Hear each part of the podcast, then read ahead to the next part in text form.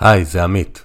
אני רוצה להזמין אתכם, מאזיניי היקרים, להצטרף אליי למשהו חדש שאני אתחיל במהלך חודש מאי. אחרי שליוויתי מאות משפחות, עשיתי כנסים פרונטליים עם מאות משתתפים, ואלפי ומאות אלפי האזנות לפודקאסט, אני הבנתי כמה דברים. אחד, זה שהרבה אנשים לא צומחים כלכלית כי הם חוששים. שתיים, הרבה לא צומחים כלכלית כי הם מרגישים לבד. שלוש, הרבה לא צומחים כלכלית כי הם לא יודעים מה לעשות ומפחדים שיעבדו עליהם. ארבע, יש רתיעה לדבר על כסף וצמיחה כלכלית בסביבה שלהם, כי הסביבה תקועה ביומיום ובלקטר. לכל זה ועוד, אני בא לתת מענה דרך מועדון חברים סגור. המועדון ייפתח במהלך חודש מאי, ואז ייסגר לכמה חודשים, כנראה בחגי תשרי ייפתח למצטרפים נוספים. הראשונים שיצטרפו אליי יזכו להטבות מאוד מאוד משמעותיות, ואני אשמח אם גם אתם תחליטו להיות שמה. לפרטים נוספים והרשמה ללא שום התחייבות כרגע, אפשר באתר toinvest.co.il/עמית toinvest.co.il/עמית ועכשיו נעבור לפרק. שלום לכולם, כאן עמית. אה, אנחנו בפודקאסט כסף והשקעות. תודה שבחרתם להאזין לנו היום, והיום זה פרק על mindset, אמונות ומה שעובר לנו בראש ומשפיע על החיים ושמחת החיים וכסף והכל מגניב. והאורח שלי היום הוא שלומי חסטר, שלום שלומי. שלום עמית. אז שלומי, מי שלא מכיר, הוא יוצר הפודקאסט המצליח מיינדסט, הוא מרצה ומנטור ל-well-being ויצירת שינוי בחיים. אה, שלומי אירח אותי אצלו בפרק לפני כמה שנים, ואנחנו התחלנו לעסוק בעולם הפודקאסטים בערך ביחד, וזה ממש כיף אה, לארח אותו. אמנם הוא משיג אותי בכמה פרקים, אבל אני אסלח לו. ואחת הסיבות שאני ממש שמח לראיין אותו זה, חוץ מזה שהוא אדם מעניין, אז כפי שחלקכם יודע, אה, אני אדם שמשלב את עולמות החומר והרוח בחיים, והיום גם נעשה את זה כי רוח וחומר זה שילוב מנצח. ואני רוצה להתחיל, שלומי, בשאלה שאולי תראה לך מוזרה, אבל אותי מעסיקה הרבה שנים, מה זה mindset? או, אז זאת שאלה טובה, ואני חושב שאתה תשאל אנשים שונים ותקבל תשובות שונות. אבל במקרה שלי, בעיניי mindset הוא הסכום של האמונות שלנו, המחשבות שלנו, הרגשות שלנו וההתנהגות שלנו. ואני חושב שכשאנחנו אומרים משפט כמו אני רוצה לשנות mindset, או אני רוצה להיכנס ל mindset של, אז זה אומר שאני רוצה לשנות הרבה מהדברים שלי. אני לא רק רוצה לשנות הרגל חיצוני, את ההתנהגות שלי, אני רוצה לשנות גם את האמונות שלי לגבי נושא מסוים, או להחזיק באמונות שתומכות באותו mindset. אני גם רוצה שהמחשבות שלי יהיו בהלימה עם אותן אמונות. אני רוצה שהרגש שלי יהיה באותו כיוון, ושההתנהגות שלי תדבר את אותה שפה. אז זה בעיניי mindset, הסכום שקשה לראות את התוצאה שלו, של אותם ארבעה עולמות תוכן. ואני אגיד לך למה זה מעסיק אותי כבר הרבה שנים. אני ב-2012, או תחילת 13, זה כבר עשר שנים, אנחנו מקליטים קהל מאזינים במרץ 2023. אה, כתבתי ספר באמזון שנקרא Change Your Mindset, Think Like the Rich. Mm-hmm. וכשתרגמתי אותו לעברית, לא מצאתי מילה ל mindset, אז קראתי לו לחשוב עשיר, להיות עשיר, אבל אני לא אוהב את זה. אז אני מאז כל הזמן אומר, מה זה ה mindset הזה, שלא, למה לא מצאו לו מילה בעברית? אולי תפתיע אותי, יש מילה בעברית? יש, אה, נתקלתי בכמה תרגומים, אין תרגום טוב, יש אה, דפוס חשיבה, תבנית חשיבה, מנטליות. אה, לא סתם בסוף נשארתי גם אני עם הפודקאסט בשם מיינדסט, ולא קראתי לו בשם אחר, כי בסוף אני חושב שחלק עוצמה של דברים היא האופן שבו אנחנו אומרים אותם, ואני חושב שלמילה mindset יש עוצמה משלה. ולנסות להיות קורקטי ולקרוא לה דפוס חשיבה, תבנית חשיבה, מנטליות, זה לא המילה, המילה היא mindset. אני לגמרי מסכים. אז עוד דבר שאני רוצה הגדרה של מילון שלומי חסטר, מה זה well-being?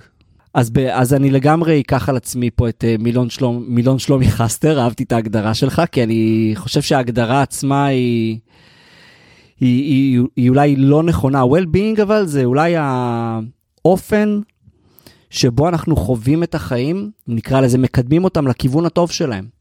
זה הרווחה האישית שלנו, האופן שבו אנחנו תופסים עד כמה טוב לנו בחיים. וזה יכול להיות גם בהיבט, ה... גם בהיבט ה... הפיזי, זאת אומרת, עד כמה ב-well-being שלי אני דואג לגוף שלי, ומטפח אותו, ומזין אותו, בין אם זה בספורט, בשינה, במזון אה, ראוי. גם אם זה בצד המנטלי, עד כמה אני חווה סטרס, לעומת עד כמה אני חווה אה, רוגע, מנוחה, שלווה. עד כמה אני יודע לאזן בין עולמות החיים שלי, זאת אומרת, מספיק זמן לפיתוח אישי וקריירה, משפחה, חברים, ובסוף אני חושב ש-well-being זה גם המודעות שלנו עם עצמנו. מה עושה לי טוב? מה המיקס שנכון לי? כי מיקס שמתאים למישהו אחד, יכול להיות 50% חברים, 50% קריירה, וזה הכל, זה ה-well-being שלי. לעומת אנשים שצריכים משהו הרבה יותר מאוזן. אני נגיד כבן אדם, חלק מהותי ב-well-being שלי, זה זמן עם עצמי וזמן בטבע. אלה דברים שמשפיעים לי ישירות על תפיסת החיים שלי. אז זאת אולי לא הגדרה מילונית, אבל הגדרת שלומי חסטר לזה. נכון, אנחנו המצאנו פה, אפשר לחפש ערך באלף, בית, גימל, המילון. אז אני רוצה טיפה עכשיו להתחיל לצלול לעולם ה, מה שאמרת, ה mindset, שזה סכום האמונות, מחשבות, רגשות והתנהגות. אז נגיד שיש אדם שיש לו אמונה כלשהי, כמו שאין לי סיכוי להרוויח הרבה כסף. Mm-hmm. איך היית מציע לאדם להתחיל אה, לשנות את האמונה הזאת? או, שאלה טובה. קודם כל, הדבר הראשון שהייתי ממליץ לעשות זה לנסות להבין מאיפה האמונה הזאת הגיעה. בסוף אנחנו נרצה לפרק את האמונות האלה ולשתול במקומן אמונות חדשות. הדבר הכי טוב זה להבין שהאמונות האלה הן לא אמת ביולוגית שנולדנו איתה. זאת אומרת, יש אמת ביולוגית שנולדנו איתה, זאת אומרת, כמו רפלקסים, אם אני אזרוק עליך משהו אתה תמצמץ, זאת עובדה ככל הנראה, יש הרבה דברים. הלב שלנו פועם ב-BPM מסוים, ואם הוא יפסיק אנחנו בסוף נמות גם. אלה עובדות ביולוגיות שנולדנו איתן, רפלקסים וכן הלאה. אמונות זה דבר שרכשנו אותו. אז הדבר הראשון שהייתי ממליץ לבן אדם כזה לעשות, זה להבין איפה שמעתי את זה. איך דיברו על כסף אצלי בבית כשהייתי קטן? מי אמר לי שאני לא אדע להסתדר עם כסף? איזה חוויות עיצבו את זה? מה קראתי? אולי קראתי כתבה שאומרת שאנשים ממוצא כזה או אחר, או אנשים שגרים פה, או אנשים שההורים שלהם הם X או Y, לא יהיו טובים עם כסף. ואני חושב שאחרי שמתחקים אחרי הדבר הזה ומוכנים להבין רגע, מה באמת קרה בילדות שלי, או בהתבגרות שלי, שגיבש אצלי את האמונה הזאת. וברגע שאנחנו מבינים שהאמונה הזאת היא סיפור שנרקם פרק אחרי פרק לאורך מסע החיים שלי, אנחנו רק אז יכולים להתחיל לייצר שינוי בסיפור הזה. כי שינוי mindset הוא שינוי סיפור. זה לא דבר שאולי קל לעשות אותו, אבל צריך שנבין את סיפור המקור. אחרי שנבין את סיפור המקור, אנחנו צריכים להתחיל לתחקר אותו ולבדוק האם הסיפור הזה הוא נכון. האם בהכרח כל, כל העובדות מצביעות על כך שאני, אה, אני לא זוכר אפילו מה הייתה האמונה שנתת, האמונה של אני לא טוב עם כסף? שאני אין לי סיכוי להרוויח הרבה כסף. אין לי סיכוי להרוויח הרבה כסף. האם הסיפור הזה הוא נכון? האם אני אלך ואשב עם יועץ פיננסי, יועץ קריירה, וכולם יגידו לי, שומע, איקס, אין לך סיכוי להרוויח הרבה כסף, והנה העובדות. כנראה שלא. כנראה שחלק מהם יציעו לי אלטרנטיבות אחרות ויהיה להם עובדות סותרות להציג לי.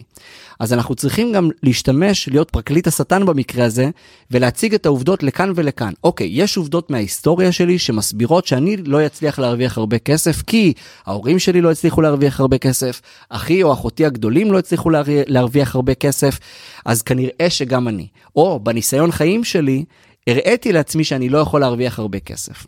אז זה דבר אחד.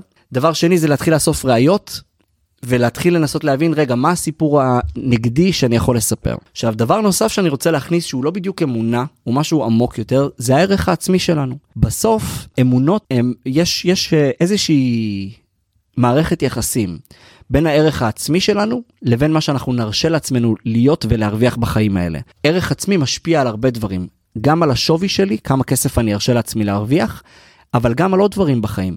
איך מערכות היחסים שלי נראות? האם הקרובים שלי מכבדים אותי? מעריכים אותי? מפרגנים לי? האם אני דואג לעצמי?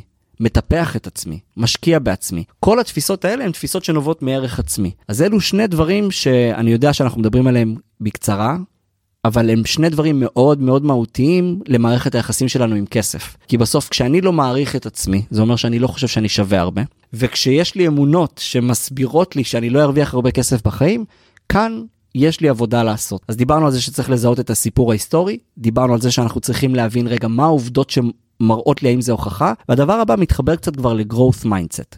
האם קיימת בי אמונה שאני יכול לשנות את הסיפור הזה? כי אם כן, אני מוכן להיכנס לעולם שעד היום היה לי לא ידוע. אתה יודע, עמית, גיליתי, עם כמה שזה נשמע מוזר, שאנחנו לפעמים מעדיפים להישאר במקום הידוע, אבל הלא נוח שלנו, וסליחה על השפה, מעדיפים להישאר בסירחון של עצמנו, מאשר ללכת למקום עם הפוטנציאל המרגש והמעניין, אך הלא ידוע. זאת אומרת, אני לא יודע איך זה מרגיש במקום הזה, אבל אם אנחנו פתוחים לאפשרות שאני יכול להיות טוב יותר עם כסף, אני יכול להרוויח יותר כסף ממה שחשבתי, אז אנחנו נכנסים לעולמות של growth mindset. אז אנחנו נכנסים לעולמות שבהם אנחנו מרשים לעצמנו להתחיל לייצר שינוי ולהתחיל להאמין שהשינוי הזה אפשרי עבורנו. זה אולי הבסיס, זו אולי ההתחלה של הדבר הזה.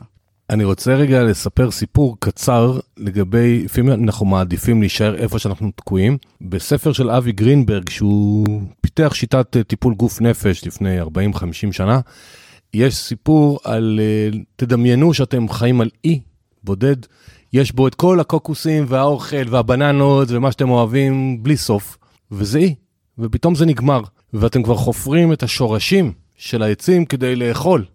אבל אתם רואים מעבר לאופק אי אחר. לא ממש רחוק, שאתם יכולים לסחוט אליו ולהיות בו בנוחיות עוד פעם 10-20 שנה. מה הבעיה? שבים יש כרישים. אז צריך לסחוט מהר מהר מהר מהר ולקוות שאף כריש לא יאכל אותנו, ואז פתאום יהיה לנו עוד פעם המון שנים של עונג ואושר וכיף, ויכול להיות שיאכלו אותנו.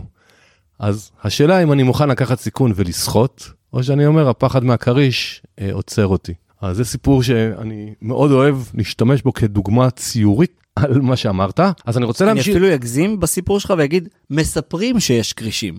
זאת אומרת, לא בוודאות יש כרישים, מספרים שיש כרישים, כי בסוף גם הפחדים הם הרבה פעמים הם פחדים מדומיינים. זאת אומרת, אלא אם כן אתה מדבר איתי פה על אני עוזב את העבודה שלי כשכיר, נהיה עצמאי ועוזב הכל במכה, אז אוקיי, יש פה פחד ממשי. על הרבה מהפחדים ללהשתנות הם פחדים מדומיינים. אולי לא יאהבו אותי אם אני אשתנה, אולי אם יהיה לי כסף לא יהיה לי הרבה חברים. זה פחד מדומיין, מי אמר לנו את זה? אז אני רוצה להמשיך רגע ו... ולשאול אותך אם התשובה שנתת היא מתאימה לזה, כי אני מרגיש שהיא טיפה שונה. יש הרבה מאוד, אני מאמין, מאזינים ומאזינות. היו בכל הקורסים האפשריים בעולם הכסף, שמעו את כל הפודקאסטים שיש, קראו ספרים, אבל יש להם את הפחד להשקעה הראשונה. עכשיו, אתה גם עושה ברמה פרטית, יש לך גם השקעות, אתה גם עשית דברים, אני מאמין שחלק הצליחו יותר וחלק פחות, כמו כל דבר. מה הסיפור שהם מספרים לעצמם, שמצד אחד הם לומדים הכל ומצד שני לא עושים? מה אתה יכול אה, להציע להם? מה שאני מציע לעצמי כשאני מרגיש שאני לומד יותר מדי, עצור, אל תלמד עכשיו כלום, תתמקד בפעולה אחת. פעולה אחת. גיליתי שלפעולה אחת ממוקדת ועקבית יש עוצמה שאין לעשרה ספרים. פרק אחד בספר, או אסטרטגיית השקעה אחת, אם אני אכנס רגע לעולם שלך ולשפה שלך, יכולים להיות יותר עוצמתיים מעוד עשרה קורסים ועשרה ספרים שאני אקרא. עכשיו, אני גיליתי שכתחביב אני גם אוהב ידע. אני אוהב לצרוך ידע חדש, זה חלק מהפאן שלי, אבל אני מאוד משתדל לא להתבלבל בין עוד סרטון יוטיוב או עוד ספר שעכשיו האזנתי לו, לבין ידע שאני מיישם. לידע שאני מיישם יש תוצאות אמיתיות במציאות. עכשיו, אני מנסה רגע להתחבר לשאלה שלך, מה קורה כשמישהו חווה חוויה ראשונית של אי הצלחה?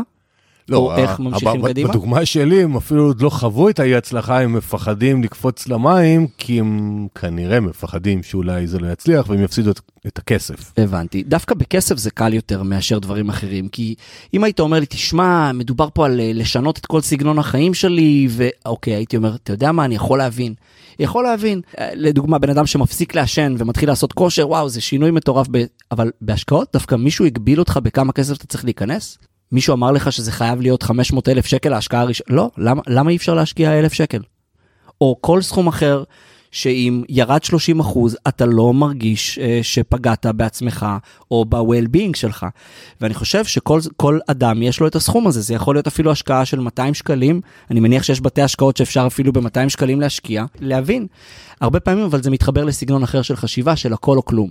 אם אני כבר משקיע, אז כדאי שאני אעשה את זה בגדול, כדי שאני ארוויח בגדול. למה לא לבנות ביטחון בצעדים הדרגתיים? כמו כל דבר בחיים. בוא נבנה את הסקיל הזה, בוא נסמוך על שיקול הדעת שלי, בוא נראה איך אני מתמודד עם התנודות של השוק בסכום כזה. אוקיי, נוח לי עם הסכום הזה, בוא נוסיף עוד 50% מהסכום הזה. אני חושב שהטיפ הכי טוב שלי הוא כמו טיפים בהתפתחות אישית, להתחיל בצעד אחד קטן. אני מאוד מתחבר, ומאזינים ומאזינות, אה, אני גם חושב ששלומי נגע פה בנקודה חשובה, שזה בסוף לעשות. כי להישאר בגדר תיאוריות, אז אנחנו נהיה אלופי העולם בתיאוריות, ואולי שמענו מהשכן שהוא הרוויח או הפסיד, וההורים אמרו זה נורא מסוכן, והאחרים אמרו, והסביבה נורא משפיעה עליכם, ויאללה, לעשות, מה כבר יכול להיות? אם עושים את הניהול סיכונים, כמו ששלומי הציע, בצעדים קטנים ומדודים. שלומי, אני רוצה לדבר עכשיו רגע לא רק על כסף, אלא שינויים בחיים בכלל, ולא חשוב התחום. הזכרת אולי אני רוצה להחליף עבודה, אולי רוצה להחליף מקום מגורים. יש המון המון המון המון סטרס, וכמו שאמרת, אנחנו לפעמים מעדיפים להישאר במקום, כלומר, אני במילים היותר רוחניות, האגו שלנו מסביר לנו שלא כדאי לשנות. מה היית מציע לעשות למאזינים שרוצים שינוי, ובואו ניקח דוגמה פרקטית, הרבה מאוד שכירים, אומרים לעצמם, אני רוצה גם לעשות משהו עצמאי, או להיות עצמאי לגמרי. אבל יש בזה המון פחד, ומוצדק הרבה פעמים אה, השלבים, כמו שאמרת. מה, מה אתה יכול לעזור לנו בעולם ה mindset, אה, איך כן להעז ולעשות משהו? יש פה כמה דברים שדיברת עליהם. אחד, אני שכיר ועדיין שכיר, אני פשוט חיים, חי חיים שהם גם וגם. אני גם שכיר וגם עושה עוד דברים, יש לי את הפודקאסט שלי ויש לי עוד כל מיני יוזמות שאני עושה מדי פעם כשיש משהו שמעניין אותי לעשות. אבל, אבל בוא נדבר רגע על, על שינוי חיים ונדבר על זה שבסופו של דבר אנחנו רוצים פה לעשות shift ל baseline שלנו. שינויים גדולים בחיים מגיעים עם shift מתוך ה baseline שלנו. הסטרס מגיע ממקום שבו אני אומר, אני יוצא מההומאוסטזיס שלי, אוקיי? כשאתה אומר, האגו מונע מאיתנו, אז לאגו יש תפקיד, התפקיד של האגו זה להחזיק את האישיות שלנו כמו שהיא, כי זה התפקיד שלו, הוא רוצה לקצר לנו את הדרך. ואם אני רוצה לשנות משהו מהותי באישיות שלי, האגו שלי יציף את הדברים, בין היתר סטרס ופחדים. אז אחד, מאוד מאוד חשוב שנבין באמת מאיפה זה מגיע. דבר שני, אני חושב שהדבר המשמעותי ביותר צריך להיות חזון שאנחנו מחוברים אליו. בסוף אם אנחנו רגע נתחבר שוב לעולם הרוחני, כי בסוף אם אין לנו חזון של איך התוצאה הסופית צריכה להיראות, לאן אני רוצה לקחת את זה ולמה, אנחנו ככל הנראה לא נוכל להתקדם הרבה בדרך, כי כשיגיעו המכשולים ויגיעו מכשולים, אין שינוי בלי קשיים ומכשולים, לא נהיה מצוידים ב vision מספיק חשוב. כשיש לי אם אני מתכנן לעזוב את העבודה שלי כשכיר ואני הולך להיות עצמאי, כי אני הולך לפעול עם השליחות האמיתית שלי, עם קריאת הלב שלי, עם החזון שלי, אני אגיע לדרך. אני, אני יודע גם למה אני עושה את זה, כי בסוף על, על זה שמו אותי פה בעולם.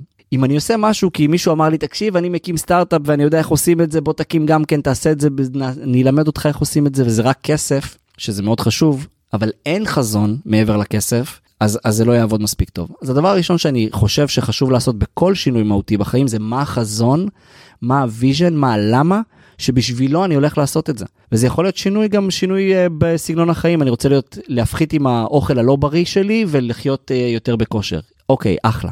אבל למה? למה? כי אני רוצה להיות בגיל מבוגר יותר, בריא, אני רוצה לראות את הנכדים שלי ולשחק איתם ושיהיה לי כוח ושיהיה לי אנרגיה, זה הלמה שלי, זאת התמונת ניצחון ארוכת הטווח שלי.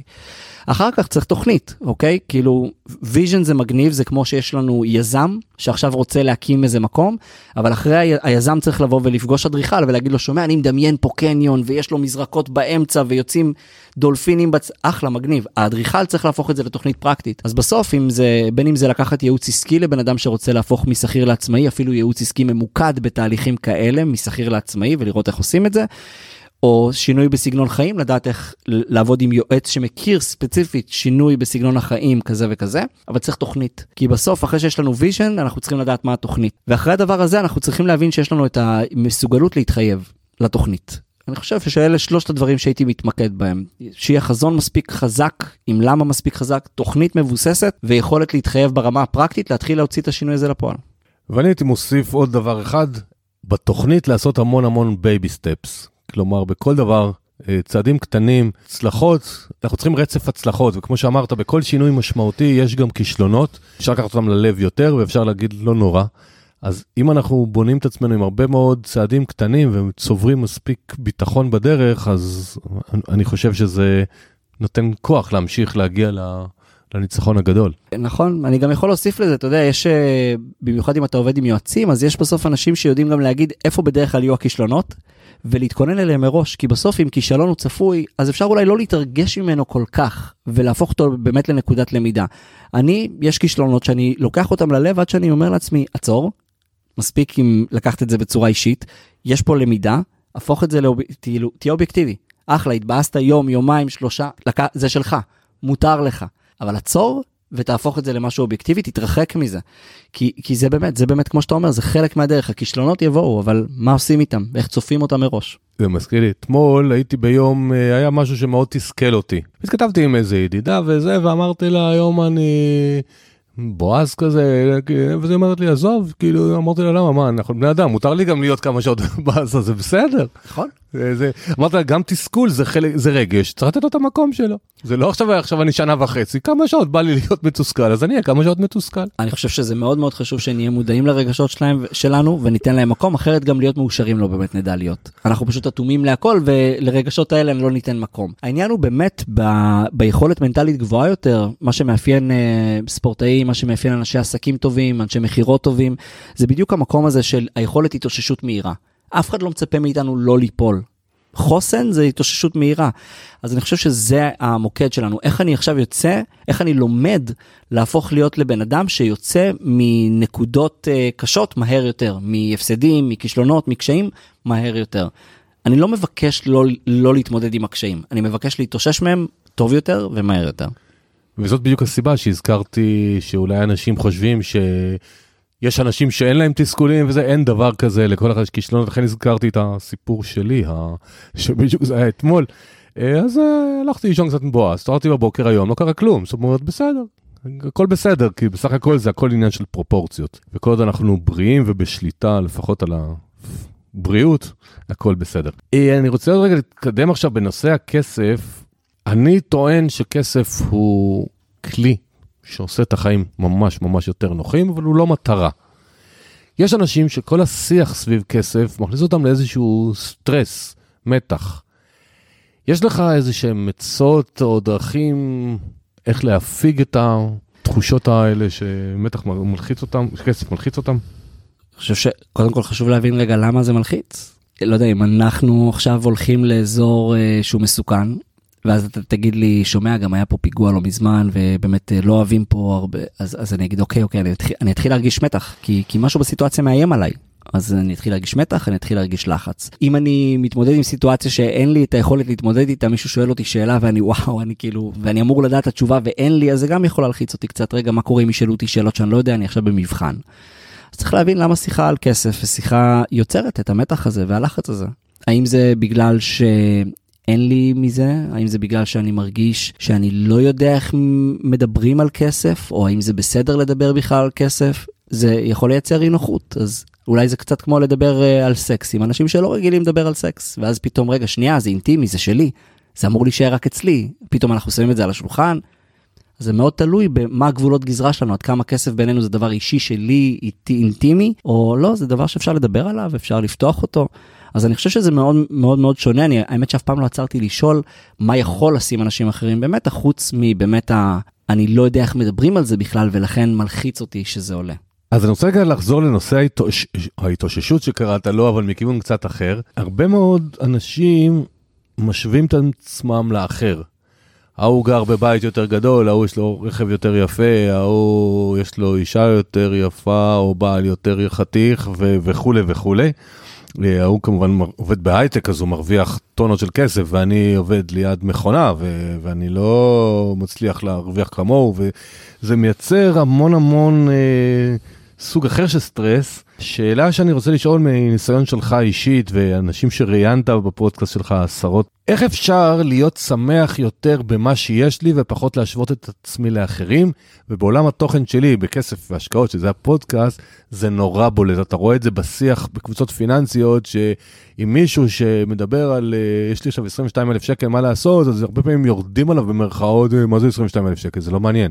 אבל בשבילו זה ה-22 אלף שקל שיש לו, וזה אחלה. אז כל נושא ההשוואות האלה, המתח הזה, מה, איך, איך אנחנו יכולים להתחיל להיות יותר אה, ב mindset, איך עובדים עליו, להיות יותר שמח בחלקי? שלושה דברים. אחד, הגדרה אישית למהי הצלחה. כשאין לנו הגדרה אישית למהי הצלחה, אנחנו מהר מאוד נלך לאיבוד. אני חושב שדיברנו קצת לפני הפרק, סיפרת לי על, אה, על מישהי שאמרה שהיא ראתה אנשים עשירים, וראתה עניים, וראתה פה, וראתה שם, באמת ראתה את העולם, ובסוף היא, היא הבינה שבסוף זה הביטוי לאושר ולהצלחה מאוד שונה ממקום למקום. וזה הדבר הכי חשוב שיש, ואנחנו רגילים לחיות בתרבות שבה העדר והמטריקס וה... מלמד אותנו מהי הצלחה ועבור מה אנחנו אמורים אה, לרצות, וברוך השם על רשתות חברתיות שרק מעודדות את זה עוד יותר וזורקות לנו בפרצוף את מה לי יש ומה לאחר אולי אין. אם אין לנו הגדרה אישית להצלחה, אנחנו פשוט בהיבט הזה של הצלחה אישית וממה אני מסופק, אני כמו, אני אבוד כמו רפסודה בים. בלי מפרש, בלי כלום, כי פשוט פעם אחת הגלים יהיו לטובתי או לרעתי, אני לא יודע אפילו מה זה לטובתי או לרעתי, מצאתי דג, אני לא יודע. זה דבר ראשון. ברגע שיש לי הגדרה אישית להצלחה, כל מה שקורה זה בעצם איך אני מגיע להגדרה האישית שלי להצלחה, ולא איך מזיז אותי מה שמישהו אחר ברשת רשם. תמיד יהיו עשירים ממני, תמיד יהיו מוצלחים ממני. וגם הבן אדם הכי מוצלח שאני מכיר באופן אישי הוא פצפון לעומת מישהו אחר שהוא מכיר. זה לא רלוונטי לשחק במשחק ההשוואה כל הזמן, במיוחד ברשתות החברתיות. מה שכן ברשתות החברתיות, אם אתה מקבל אפיק השקעה, המלצות חכמות מאנשים מנוסים ולא מגיבורי מקלדת שמנסים לגרום לך להרגיש קטן, פנטסטי. אבל אם לא, אז רשתות חברתיות הן לא המקום הטוב. שזה בעצם היה הטיפ השני שלי, פשוט להתרחק מהשוואה ברשתות חברתיות. שאלת אותי מה למדתי מאנשים אצלי בפודקאסט, למדתי שהשוואות חברתיות הן דבר שעושה לנו רע במהות שלו, וב' למדתי את זה מנעמה קמינר שאמרה לי, המהות של רשתות חברתיות היא שאנחנו גוללים בהם, בהם אנחנו נמצאים במצב נמוך, ומישהו אחר נמצא במצב גבוה. למה הכוונה? היא אומרת, מתי אני גוללת בפיד באינסטגרם? כשאני עושה כביסה, כשמשעמם לי בבית, כשאין לי משהו מעניין לעשות, נכון? לא כשאנחנו בשיא ההתלהבות ובדיוק מבלים. מקליטים פרק. מקליטים פרק, נכון, אני לא גולל עכשיו, כיף לי עכשיו, אני לא גולל באינסטגרם. מתי אני גולל? כשמשעמם לי, כשאני עושה מטלות, או כשאני מחפש להעביר את הזמן. מה אני רואה בזמן הזה? את הטוב ביותר שיש לאחרים להציע על סטרואידים. ולכן המשחק במהותו הוא מכור, כי אני כרגע נמצא במצב נמוך שלי, ומישהו אחר נמצא כרגע במצב גבוה שלו, וככה אנחנו מייצרים פה מאזן כוחות לא, לא נכון. אז זאת הסיבה שרשתות חברתיות הן לא מקור להשוואה. זה היה הדבר השני שמתייחס לאיך אנחנו מתמודדים עם uh, השוואה לאחרים, אז דיברתי על, uh, על הגדרה אישית להצלחה, דיברתי על מניעה מרשתות חברתיות, או לפחות שימוש מושכל בהם ומודע להם, והדבר השלישי הוא הדבר הכי חשוב, שלמדתי אותו בפודקאסט שלי ושמעתי טייסים, שמעתי uh, יועצים, שמעתי מנטורים, שמעתי אנשי עסקים, שמעתי הורים נפלאים, כולם בסוף חוזרים לאותו דבר, גרטיטוד, הכרת תודה על הדברים שיש לנו בחיים. זאת הדרך הכי טובה לשפר לעצמנו את איכות החיים, לפתוח את עצמנו לשפע אמיתי, שפע אמיתי, הכרת תודה אמיתית מהלב, שהלב שמח על הדברים שיש לנו בחיים. אין שער יותר עוצמתי מזה מלפתוח אלינו את שערי שפע האמיתיים. אין כוח יותר חזק מזה בתפיסה שלי, כשאנחנו עושים הכרת תודה יומיומית על הדברים שיש לנו בחיים, מהלב, זה, זה המפתח הכי חזק שאני מצאתי, בטח באופן יחסי לרמת הפשטות שהוא דורש מאיתנו. אז אלה שלושת הדברים שאני ממליץ על uh, השוואות. מעולה, אז אני רוצה דווקא להתעכב על uh, המושג הצלחה. כמו שאתה רואה, לעסק שלי קוראים to success. כי אני לפני הרבה שנים, אה, כבר אה, כמו ה mindset, אמרתי, וה to יש לו הרבה פרשנויות, זה לא משנה, אבל המילה success, אה, success, הצלחה, היא גם מושג שאני הרבה חושב וחוקר אותו, ואני נורא אשמח לשמוע ממך מה זו ההגדרה בעיניך להצלחה, משהו גנרי, לא דווקא לך, כאילו, אישית שלך, אבל כי מה זה הצלחה? זה, זה דבר שהוא כל כך חמקמק. אם היום, בוא ניקח uh, כסף והשקעות, היום השקעתי, כאילו יש לי השקעות, היום עלו 4 אחוז, אז אני מרגיש הרי כוכב תותח, ואחרי זה יש חודשיים של ירידות וזה ירד 12 אחוז או 20 אחוז, אז אני דפוק, אז אני מצליח, אולי השקעות כן טובות. הצלחה זה מוצר, מושג מאוד מאוד חמקמק. כן. בוא נתפלסף קצת, בא לי. בוא, יאללה, אני איתך. מה זה הצלחה? קודם כל, אני חושב שהצלחה, הסיבה שזה מילה כל כך פופולרית אולי בגלל שעשו לזה הוליוודיזם כזה. כי בסוף מישהו ארז לנו את המושג הזה והסליל אותנו דרכו. שם לנו תמונות של מה זה הצלחה, כן? זה הצלחה זה רכב כזה, זה בית כזה, זה טייטל כזה, זה להיות מנהל, להיות XYZ. אני חושב שהצלחה אמיתית, בתפיסה שלי, היא, היא, היא נובעת מכמה דברים ובעיקר מחיב... ממשהו הרבה יותר פשוט. זאת אומרת, דווקא אין לי משהו מגניב להגיד, יש לי משהו מאוד פשוט להגיד. והדבר הפשוט הזה זה כשאני יודע מה המטרות שלי, מתקדם לעברם בצורה עקבית וחי בהלימה עם הערכים האישיים שלי. זה בעיניי מתכון למה שאני מגדיר אותו הצלחה. כי כל היתר, או שהוא בר חלוף, זאת אומרת, אני יכול להגדיר בהגדרה האישית שלי שהצלחה זה להרוויח מיליון שקל בשנה נקי אחרי מיסים. הגעתי לשם ואז מה? זהו, הגעתי להצלחה, מה עכשיו? אז אה, זה הופך את זה לבר חלוף, גם אם אני הגדרתי את זה וזה מאוד אישי וסובייקטיבי שלי. אז זה לא לונג לסטינג ואז יש ריקנות לדעתי אחרי שמגיעים לאותה הצלחה. אז בעיניי הצלחה זה דרך חיים, הצלחה זה לדעת מה הערכים שלך, לפעול בהלימה עם הערכים שלך, ולדעת מה המטרות שלך ולהתקדם כל יום לעבר המטרות שלך. וזה אמרתי לך זה לא הגדרה מגניבה בטח לא קרובה למגניבות ההוליוודית שלימדו אותנו מהי הצלחה אבל.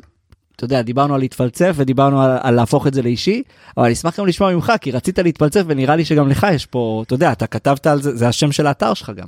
כן, קודם כל יש לנו עוד הגדרה למלון, למילון שלומי חסטר, יש לנו גם בהיי כבר, יש לנו... אני ערך. צריך uh, לסכם את הפרק הזה לעצמי, יש לי, יצרתי פה מונחי.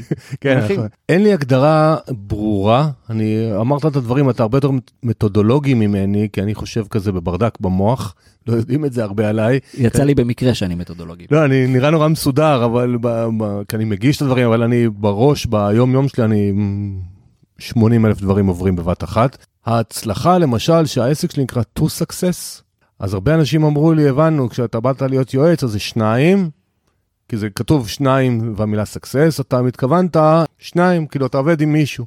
אמרתי להם לא, זה נולד בכלל כשחיפשתי איך לקרוא לעסק שלי, באתי משכיר, להיות עצמאי, קראתי לזה, to, כאילו המילה באנגלית toward success, כאילו לעבר ההצלחה, אבל toward, מה אתה תכתוב toward, אז, אז אי אפשר, אז אני לא יכולתי אה, לעשות את זה, אז, אז בא הרעיון לספרה 2, ועכשיו אני מוציא איכשהו מהכיס כרטיס ביקור, ושאם תראה את הלוגו, אז יש לו שלוש זרועות כאלה כלפי מעלה. נכון. אז כשאני אמרתי towards, לעבר ההצלחה, אז אמרתי, אני לא יודע איך תצליחו שאני אלווה אתכם.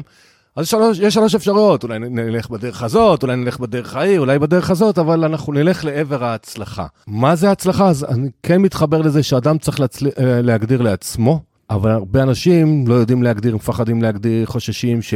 רגע, אם אני אשים רף שאני רוצה להרוויח 200 אלף שקל, ואני ארוויח 160 אלף שקל, והיום אני מרוויח 10,000, אז נכשלתי, נכון? כי אני אמרתי אני רוצה 200, והרווחתי רק 160, אבל היום יש לך 10,000, אז הרווחת. אבל הרף הזה, הוא, אני, אני חושש הרבה פעמים לאנשים שהוא הוא מטריד אותם. בהרצאות אני שואל שאלה כזאת, אני עושה סדנה, יש את uh, אראלה ממפעל הפיס, מי שעוד uh, זוכר אותה, שהיא מתקשרת, אני אומר, יש שני אנשים, אחד ליד השני, לא מוכרים, מתקשרת לאחד, אומרת לו, הרווחת 30 אלף שקל. מתקשרת למישהו אחר שהם לא מכירים, הרווחת 100 אלף שקל. עברו יומיים, יש אחד 30 אלף, אחד 100 אלף, להוא מה-100 אלף היא התקשרה, ואמרה, סליחה, טעיתי. מצטערת, הרווחת רק 40 אלף. אני מקווה שאתה לא כועס עלינו ותמשיך להיות לקוח. ואני שואל בה, כשזה פרונטלי, מי יותר מרוצה? 95% מהתשובות זה שה-30 אלף מרוצה. לא היה לו אמת אכזבה. ההוא שהרוויח 40 אלף, שזה כלכלית, 10,000 שקל יותר, אבל הוא כבר דמיין את המאה. אז מי הצליח פה יותר? זאת אומרת, אני לא סתם שאלתי על, על הצלחה, כי אני חושב שזה באמת מושג מאוד מאוד חמקמק, והקטע הזה שכן מוצא חן בעיניי בהגדרה שלך, זה תתקרב אל הדרך כל הזמן. זאת אומרת, תעשה פעולות. אבל אני חוזר לעולם הכסף, אם אדם אומר, אני, באים אליי לקוחות שאומרים לי, אנחנו נגיד בני 38, ואנחנו רוצים בגיל 50 להפסיק לעבוד, יש לנו הון X, מה השלבים? וכשאני מראה להם את זה, אני אומר להם, קחו בחשבון שהחיים מלא הפתעות, ואם זה יהיה בגיל 52, מה, אז נכשלתם? כי היעד הזה, ואני לא עושה תוכנית שנתית, כולם עושים תוכניות שנתיות, חזון וסיפורים, אני לעולם לא עשיתי, כי אני אומר, רגע, אז אני אצמד לזה, אני כמו רובוט ילך על זה, ואני לא ארג... אני עמית, איך שאני בנוי. ואני לא אשים לב לשינויים שקורים בדרך, ואני אהיה בסוף מתוסכל, אני אגיע ל-82 אחוז, אני אגיד לעצמי כישלון. אז אבל ככה אני אישית בנוי, אז אין לי, אין לי אפילו לא הגדרה למילון עמית, אין לי להצלחה. בסדר, אבל נשמע שאתה, שאתה, שאתה שלם עם, ה, עם האי הגדרה, כי, כי כאילו כן יש לך את המצפן שלך בסופו של דבר, את המצפנים שאתה מוציא כשאתה צריך. אתה יודע, דיברת עכשיו על ה, עד כמה אנחנו רוצים ודאות ודיוק בדברים, וכאילו דיברנו גם, אתה יודע, אנחנו מדברים על המשחק בין הרוח המנטלי והמציאותי, או הפיזי. ולי ברור לחלוטין שדווקא מצבי, מצבי אי ודאות, המצבים האלה שבהם אנחנו לא יודעים, אנחנו נכנסים לממלכה שהיא לא ידועה לנו בכלל, רק שמה המציאות החדשה נוצרת. זאת אומרת, קשה לייצר שינויים אמיתיים, מהותיים, לפרוץ גבולות, לייצר מציאות חדשה עבורנו, מבלי לצעוד באי ודאות הזאת. זה לא קו ליניארי, זה קו כאוטי. אנחנו יכולים, צריכים להתמסר, להיכנס למין אוקיינוס של לא ידוע, ואז שנצא ממנו חזרה לחוף, רק אז נוכל לייצר שינוי במציאות. בתור אחד שיודע את זה, אני גם מבין לפעמים עד כמה קשה לי עם חוסר ודאות. אני חושב שאחד האתגרים שלי, זה כל פעם להזכיר לעצמי, כי הרבה פעמים גם אני נרתע לפעמים מה... רגע, קח את הריזיקה. אפילו בדברים שאין בהם סיכון, אפילו לא השקעה. אפילו להתחייב למטרה שאפתנית, נגיד סתם לדוגמה בעבודה, או, או, או, או בפודקאסט, או כל דבר כזה, אני הולך להוציא שישה פרקים. רגע, רגע, אל תגיד את זה עדיין, כי מה יקרה אם תוציא ארבעה פרקים בחודש? או רגע, אל תתחייב שה-KPI בעבודה יהיה כזה, כי מה יקרה אם אתה תגיע ל-80 אחוז? בואנה, 80 אחוז זה יכול להיות מטורף. מה אתה, כאילו, מה עוצר מזה שאין לך את הוודאות, דמיין את המסע. אז, אז אני יכול להבין את אותם, אתה יודע, בסוף אנחנו מכורים לוודאות, וגם אני הרבה פעמים מכור לוודאות בידיעה ברורה שדווקא האי ודאות היא זאתי שתישא אותי מהר ביותר, הכי מהר שיש, אל עבר המטרה, השינוי המיוחל. ואתה יודע, אני שמח גם לשתף איתך את הקושי הזה אצלי, כי אני מרגיש אותו עליי, אני מרגיש את הצד אחד שדורש את הוודאות, ואת הצד השני שיודע שהמסתורין הוא מה שייקח אותי אל הכאוס, הוא מה שייקח אותי להצלחה.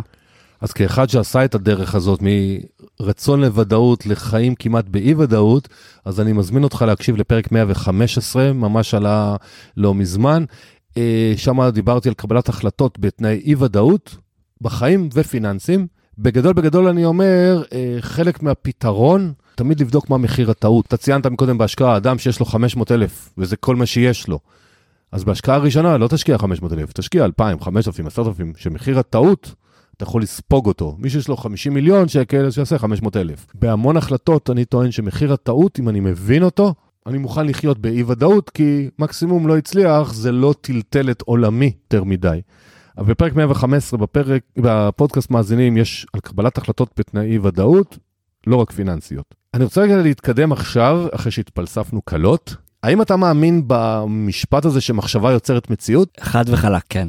אני לא, אז לכן אני אשמח אה, בוא, בוא, בוא ניקח... אה, בוא ניקח את הבן אדם הזה שלא מאמין שהוא זוכר את אותה דמות uh, בדיונית שפתחנו איתה את הפרק, אותו אחד שאומר, אני לא אצליח להרוויח הרבה כסף, אוקיי?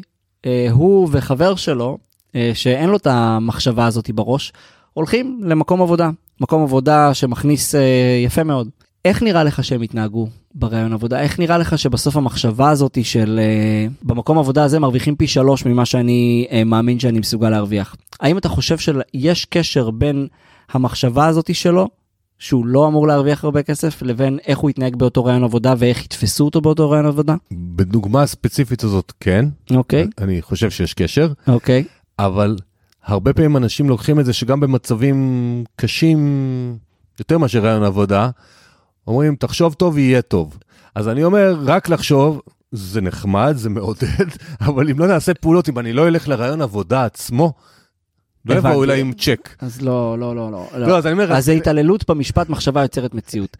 מחשבה יוצרת מציאות, מחשבה היא חלק מה, מהכוח האנרגטי שלנו, מחשבה ורגש, הם חלק מהכוחות האנרגטיים שלנו. אם אני רק עושה פעולות, רק פעולות, אני מכונה, אוקיי? רק עושה פעולות, אני אצליח להתקדם למטרה שלי. אם לפעולות האלה אני מצרף מחשבה ורגש, אני ככל הנראה, וזה, ופה אני, וזה בעיניי מחשבה יוצרת מציאות. אני מכפיל או משלש או מרבע את היכולת שלי להשיג את אותה מטרה שבשבילה אני עושה את הפעולות. אוקיי? לצורך העניין, אני יכול, אה, בוא ניקח סתם לדוגמה, בן אדם שעכשיו רק מגיש קורות חיים לרעיונות עבודה, ומגיש קורות חיים, מגיש קורות חיים, זה הפעולות שהוא עושה, נכון? הוא רק עושה פעולות. לעומת זאת, אני אקח בן אדם שגם עושה מדיטציה על למצוא את מקום העבודה האידיאלי שלו, והוא עושה ויזואליזציה יש לי בוס שמקדם אותי ו- ומשקיע בי, והמקום עבודה שלי דואג ועונה לי על כל הצרכים, הוא גם קרוב אליי, אני לא צריך לנסוע יותר מ-20 דקות. במקום עבודה שלי יש גיוון, ואנשים uh, קשובים, והזדמנויות ופרויקטים, וזה מקום גלובלי, ואני מדמיין את זה, ואני, ואני חושב את זה, ואני גם מתרגש. אני כבר מצפה לעבוד במקום הזה, אתה מבין עמית? אני לא רק חושב על זה, אני, מתר... אני מצפה כבר לעבוד במקום עבודה כזה. אני קם בבוקר ואני מדמיין את זה. אני בלי שיש לי שום הוכחה לתת לך, עמית, מאמין במיליון אחוז שככה עובדת המציאות, שאני מגביל, אותו בן אדם שידמיין את זה, יחווה את זה, יחשוב על זה, יפרט את זה לפרטי פרטים ויתרגש לקראת המציאות הזאתי, יתקרב אליה הרבה יותר מהר מבן אדם שעושה רק את הפעולות. זה בעיניי מחשבה יוצרת מציאות. מעולה. אז הרחבת את המשפט ממחשבה יותר מציאות, מחשבה ופעולות יוצרות מציאות. ועל זה אני לא יכול, אפילו אני לא יכול להתווכח. מחשבה, רגש, ורגש. ורגש. כי בסוף, כאילו... בסוף גם, גם שפע, ואולי אנחנו נדבר על זה, שפע הוא רגש. הוא אפילו לא, כאילו מחשבה הוא גם, הוא גם מחשבה, אבל שפע הוא, הוא בעיקר רגש. נקדים את השאלה שתוכננה להיות בעוד שלוש שאלות כבר לעכשיו. אה, היה לך פרק על אה, איך להיכנס ל mindset של שפע, או בכלל שפע, לא משנה הפרק הספציפי הזה. איך, איך אה, היית מציע לנו, למאזינים ולי, להרגיש את השפע, להרגיש שהכל הכל בסדר, מה שנקרא. זאת שאלה, שאלה טובה, אני מנסה לחשוב אם יש לי אה, משהו בשלוף חוץ מלהגיד תקשיבו לפרק על שפע, כי שם באמת דיברנו על זה ואני חושב שגם התכוננתי לפרק יותר, זה מה שכן, כי גם יש את ה... את הקורס של דיפק צ'ופרה ש, שעשיתי וגם את, אני חושב שאין לי דרך טובה יותר מלהגיד שהתובנה שלי לבינתיים, כי אולי אני לא, אולי זה תחום שאני פחות רגיל עדיין לדבר עליו, אז אני לא חושב שאני שוטף בו, אבל התובנה שלי לבינתיים היא ששפע היא באמת תחושה של יש מספיק. לצאת מהתחושה, כאילו מצד, מצד אחד זה לא להיות בתחושה של אה, מחסור או משחק סכום אפס בשום דבר. ולהיות במין תחושה של כל מה שאני צריך יסופק לי, הכל בדרך אליי, הכל אצלי. וקצת קשה לי להסביר את זה, כאילו אני, אני נכנס פה למין אה, אוקיי, אני מבין. קצת קשה אני, להסביר אותו. אני, אני מבין, לכן אני אה, שם, שם לב שאני מנסה לאתגר אותך ב, בדברים שכולנו כביכול משתמשים בהם ביום-יום, ואף אחד מאיתנו בדרך כלל לא מבין עד הסוף למה הוא מתכוון, כאילו יש, כמו המחשבה יוצרת מציאות, כולם רגילים להשתמש בזה. ובא לי, קודם שנתפלסף על זה קצת, או על המושג הזה הצלחה, כי לי חשוב מאוד שהמאזינים והמאזינות יראו שאין פה בדברים האלה אמת מוחלטת. Mm-hmm. יש סובייקטיביות מוחלטת, ומבחינתי אנחנו מנסים היום בפרק לעזור להם קצת להבין שיש עוד זוויות ראייה, ואם הם מרגישים ככה והשכן שלהם מרגיש אחרת, זה בסדר. זה בסוף המון רגש יש פה, ה-well-being, ה-mindset, זה המון סיפורים בראש. ואני רוצה רגע לחזור לנושא של התמודדות עם כישלונות, ולא משנה איזה כישלון, כי גם אנחנו תמיד חווים כישלון, אם זה עצמאים במאזינים שיש לקוח שלא משלם, או שהוא לא מרוצה מהעבודה שלנו, זה יכול להיות פיטורים מהעבודה, זה יכול להיות השקעה ש... שהפסדנו, זוגיות שעולה על סרטון. אני אשמח לשמוע מניסיון שלך, כי עוד פעם, אתה ראית מלא אנשים סביב הנושא הזה, וה-mindset הכוונה. איך אתה מציע לאנשים לקחת את הכישלון הזה שלפעמים הוא אובייקטיבי, הוא כבר לא סובייקטיבי. פיטרו אותי מהעבודה, זה כישלון, לא יעזור כלום. נישואים שהייתי מאושר בהם, ופתאום בן או בת הזוג אמרו לי ביי, להתראות, נקסט. זה כישלון, אני חווה אותו תחושה קשה, זאת אומרת, אי אפשר להתעלם מזה. עכשיו, אמרנו, יש לנו יכולת התאוששות, אבל יש דברים שהם קשים לנו. יש לך איזה משהו שאתה יכול, מניסיון המרואיינים וההדרכות שאתה מעביר לאנשים ככה, לעזור לנו? כן, תראה, אני רוצה רגע לעשות הפרדה בין, uh, בין רמות שונות של כישלון, כמו, אתה יודע, יש כישלון של uh, החיים שלי התפרקו כתוצאה מפירוק אה, של הנישואים ופירוק של המשפחה. אז אתה יודע, זה לא רק כישלון נקודתי, זה משבר חיים. ובמשבר חיים אני חושב שצריך להפעיל טקטיקות אחרות, כי במשבר חיים יש דברים הרבה יותר עמוקים, כמו תכנון פיננסי מחדש, ויכול להיות שגם אנשים נכנסים לדיכאון בתקופה כזאת, אז זה לא רק עניין של, אוקיי, בוא נראה איזה הרגלים אנחנו עושים, קצת הכרת תודה, ובוא... יש פה משהו שדורש אה, עומק קצת יותר גדול ואולי ליווי קצת יותר צמוד של אנשי מקצוע לפעמים, בטח כשמדובר בדברים uh, מהותיים כאלה. אם פוטרתי מעבודה, מאוד מאוד שאלה של, uh, אתה יודע, פה, פה באמת יש שאלה של מסוגלות עצמית וביטחון עצמי, כי עד כמה אני מאמין כרגע אם זה כישלון או לא, הזמן יגיד, כי יכול להיות שדווקא זה יקדם אותי לעבודה טובה יותר, או יחתוך משהו שאני הייתי צריך לחתוך לפני כן, אז אולי עשו לי טובה שפיטרו אותי מהעבודה, ועכשיו אני יכול למצוא את ההזדמנות הטובה בשבילי. אבל אם אין לי, אם, אם לא יודע מה, אם הדבר הזה הוביל לקריסה כלכלית של המשפחה שלי, אז אוקיי, זה, זה יצר משבר, זה לא רק כישלון. מה שאני רוצה אבל כן אה, אולי לבוא ולהגיד זה שנייה על... אני, אולי אני אדבר על כישלון שלי, על תחושת כישלון קשה שלי שהייתה לי בחיים, ואז מה קרה ממנה, כי בסוף הסיפור של כסף אצלי בחיים היה נקודת משבר מאוד גדולה לפני עשור, כשנולדה הילדה שלי, פחות או יותר, בערך לפני עשור, ושם גיליתי שאחרי שהייתי סטודנט לתואר ראשון והסטודנט לתואר שני, וגם אשתי, ועבדנו בעבודות סטודנטים, והרווחנו גם כמו סטודנטים, ושכרנו דירה, באזור גרוע מאוד בפתח תקווה, כי היינו סטודנטים וזה היה מגניב. פתאום גיליתי, רגע, היי, אני כבר בן 30, אני שוכר דירה באחד המקומות הגרועים בפתח תקווה, מרוויח כמו, שנינו מרוויחים כמו סטודנטים, אבל מה שכבר לא מגניב זה שכבר יש לי ילדה. ופתאום התנפצה לי בועה, דמיינתי שרגע, תסיים את התואר הראשון, את התואר השני, תקים משפחה, ואז תהיה איש גדול, עם משכורת של גדולים, עם דירה משלך. וההתנפצות של הבועה בפרצוף שלי הייתה נוראית, כי הבנתי שאני מגדל את הילדה שלי בשכונה לא טובה בפתח תקווה, ולא האמנתי שככה נראים, ככה נראה החיים שלי בהתחלה שלהם. הבנתי שאני בכלל לא מרוויח מספיק כסף, בטח לא מספיק כדי לתת שקט כלכלי למשפחה שלי ולי. יותר מהכל הבנתי שאני גם לא מבין בכסף בכלל. כאילו כשהבנתי שאוקיי, זה כבר לא, אתה, זה מגניב להיות סטודנט אפרן, אתה צריך להתחיל להבין בכסף כדי לנהל אותו. מה אתה עושה? אין לי אקסלים, אין לי כלום, אני לא יודע איך עושים את זה. אז זאת הייתה תחושת כישלון מאוד צורבת בחיים שלי, וזה גם היה, אולי לקח לי זמן להבין את זה, אבל גם, זה גם היה הזרז הכי חזק שלי לצמיחה. כי ברגע שהבנתי, וזה צרב לי, עמית, זה צרב לי כמו שלא הרבה דברים אחרים צרבו לי להבין שוואי, אני נכשלתי. הגעתי לבניית משפחה, אבל אין לי כלום להציע. יותר מזה, אני אפילו אספר לך, ירו במישהו מחוץ לדירה שבה אני גר. תבין עד כמה הרגשתי שאני, אין ביטחון פיזי למשפחה שלי בשכונה שבה אני גר. זה עד כמה זה היה קיצוני.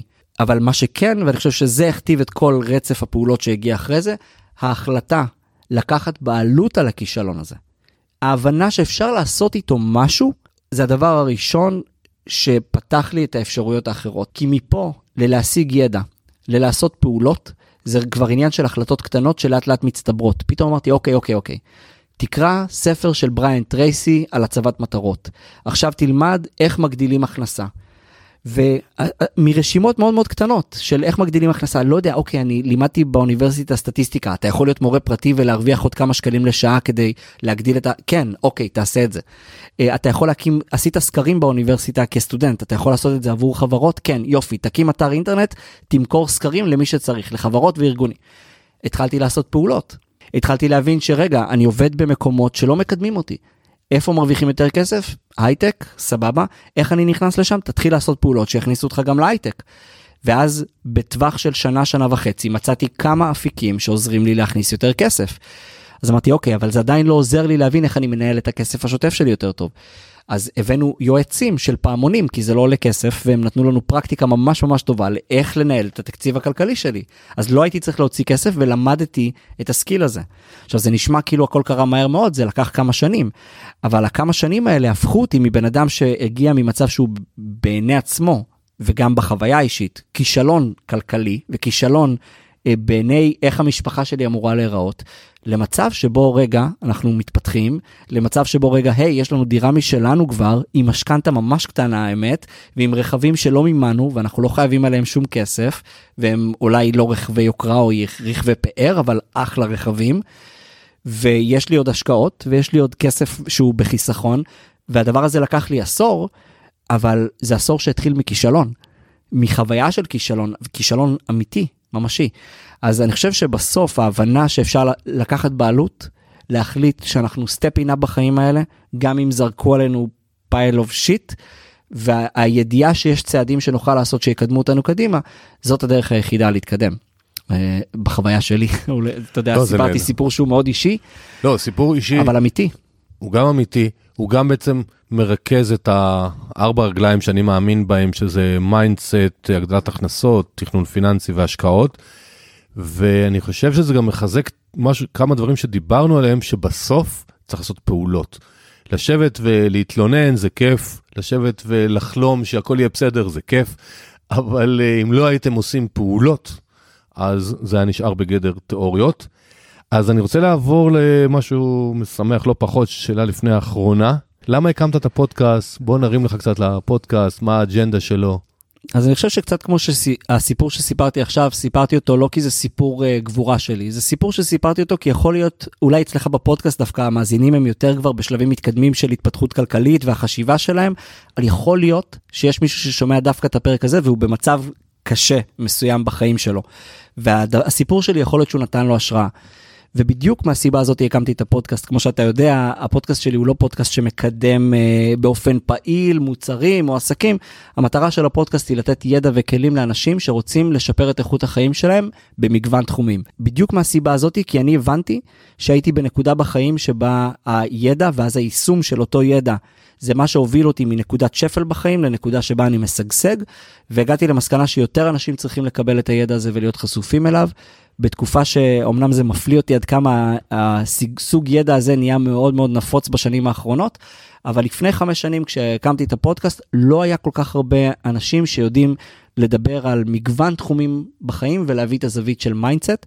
ואני מסכים איתך מאוד, אתה מאוד פרקטי ואתה מאוד אה, אה, מוכוון אה, פעולות, ואני מסכים איתך, וזה באמת המיקס הזה, שבין הכל מתחיל ב-mindset, כי אם לא נכוון את המחשבה שלנו לעבר העתיד שלנו, הפעולות לא יהיו בהלימה. אבל באמת זה מיקס של המחשבות, ואז גם הפעולות. מעולה. אז הפודקאסט נקרא mindset, אם עוד לא הבנתם. ושאלה אחרונה, שלומי, מבקש מכל מרואיין, שלושה טיפים לחיים, עדיף פרקטיים. יכול להיות שדיברנו עליהם ואז תארוז לנו אותם מחדש, או משהו שעוד לא דיברנו ואתה אומר, וואלה, זה לכל מאזין ומאזינה יכול לעזור בחיים. בוא נתחיל מהדבר הכי עוצמתי שדיברנו עליו בפרק הזה, פרקטיקה של הכרת תודה. אמצו לעצמכם אה, הרגל, אם אני נותן טיפ, אז אמצו לעצמכם הרגל של הכרת תודה. אם אני אסביר בקצרה מה זה אומר, זה אומר בתחילה של יום או בסיום של יום, לקחת דף ועט, לכתוב שלושה דברים שאני מודה עליהם שקרו היום, או שיש לי בחיים. זה לא חייב להיות דברים גדולים, זה יכול להיות דברים כמו הבריאות שיש למשפחה שלי, העובדה שיש לי ילדים, הרבה פעמים אני פשוט אומר תודה על הבריאות של המשפחה שלי, על האחדות שלה, רגע כיפי שהיה לי עם חבר או משהו שרומם את רוחי ובאמת נתן לי תחושה אמיתית של שפע, אז כל מיני, כל מיני דברים שהם טובים, שלושה דברים כאלה ביום. יש כל כך הרבה מחקר שאנחנו לא ניכנס אליו עכשיו שמסביר מה קורה למוח שלנו ברגע שאנחנו עושים את הדבר הזה. זה פשוט uh, פרקטיקה שאני ראיתי uh, באופן אישי מה קורה לאנשים גם שבועיים אחרי שהם מיישמים את זה ואני פוגש אותם שבועיים אחרי ואני מבין שהמוח שלהם כבר עובד אחרת. טיפ אחד. טיפ שני, להציב מטרות. אני מניח שזה בהלימה גם עם כל מה שאתה בטח אה, מדבר עליהן, מטרות כלכליות, אישיות. להציב מטרות, לא צריך תאריך מיוחד בשנה, זה תמיד כיף לעשות את זה ביום הולדת, או בתחילת שנה אזרחית, בתחילת שנה זה. אבל אם אין לכם מטרות כתובות, תציבו מטרות, כי בסוף זה מתחבר למה שדיברנו עליו לאורך כל הפרק. אם אין לנו vision, אם אין מטרה מסוימת שאנחנו מכוונים אליה, אנחנו פשוט שטים אה, ללא כיוון.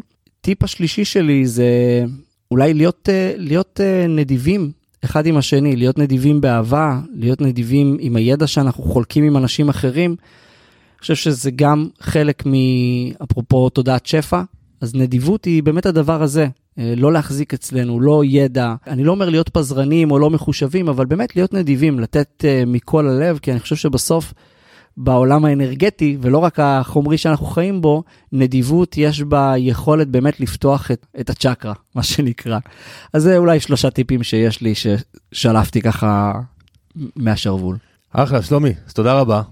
אה, היה כיף גדול. כרגיל, נדבר איתך. אה, מאזינים, תעקבו אחרי הפודקאסט של שלומי, אה, הוא אחד המצליחים בישראל, ויש לזה סיבה. תודה לכם שהייתם איתנו. פעם, תודה שלומי, היה כיף גדול. תודה עמית. ונשתמע בפרק הבא, אני עמית.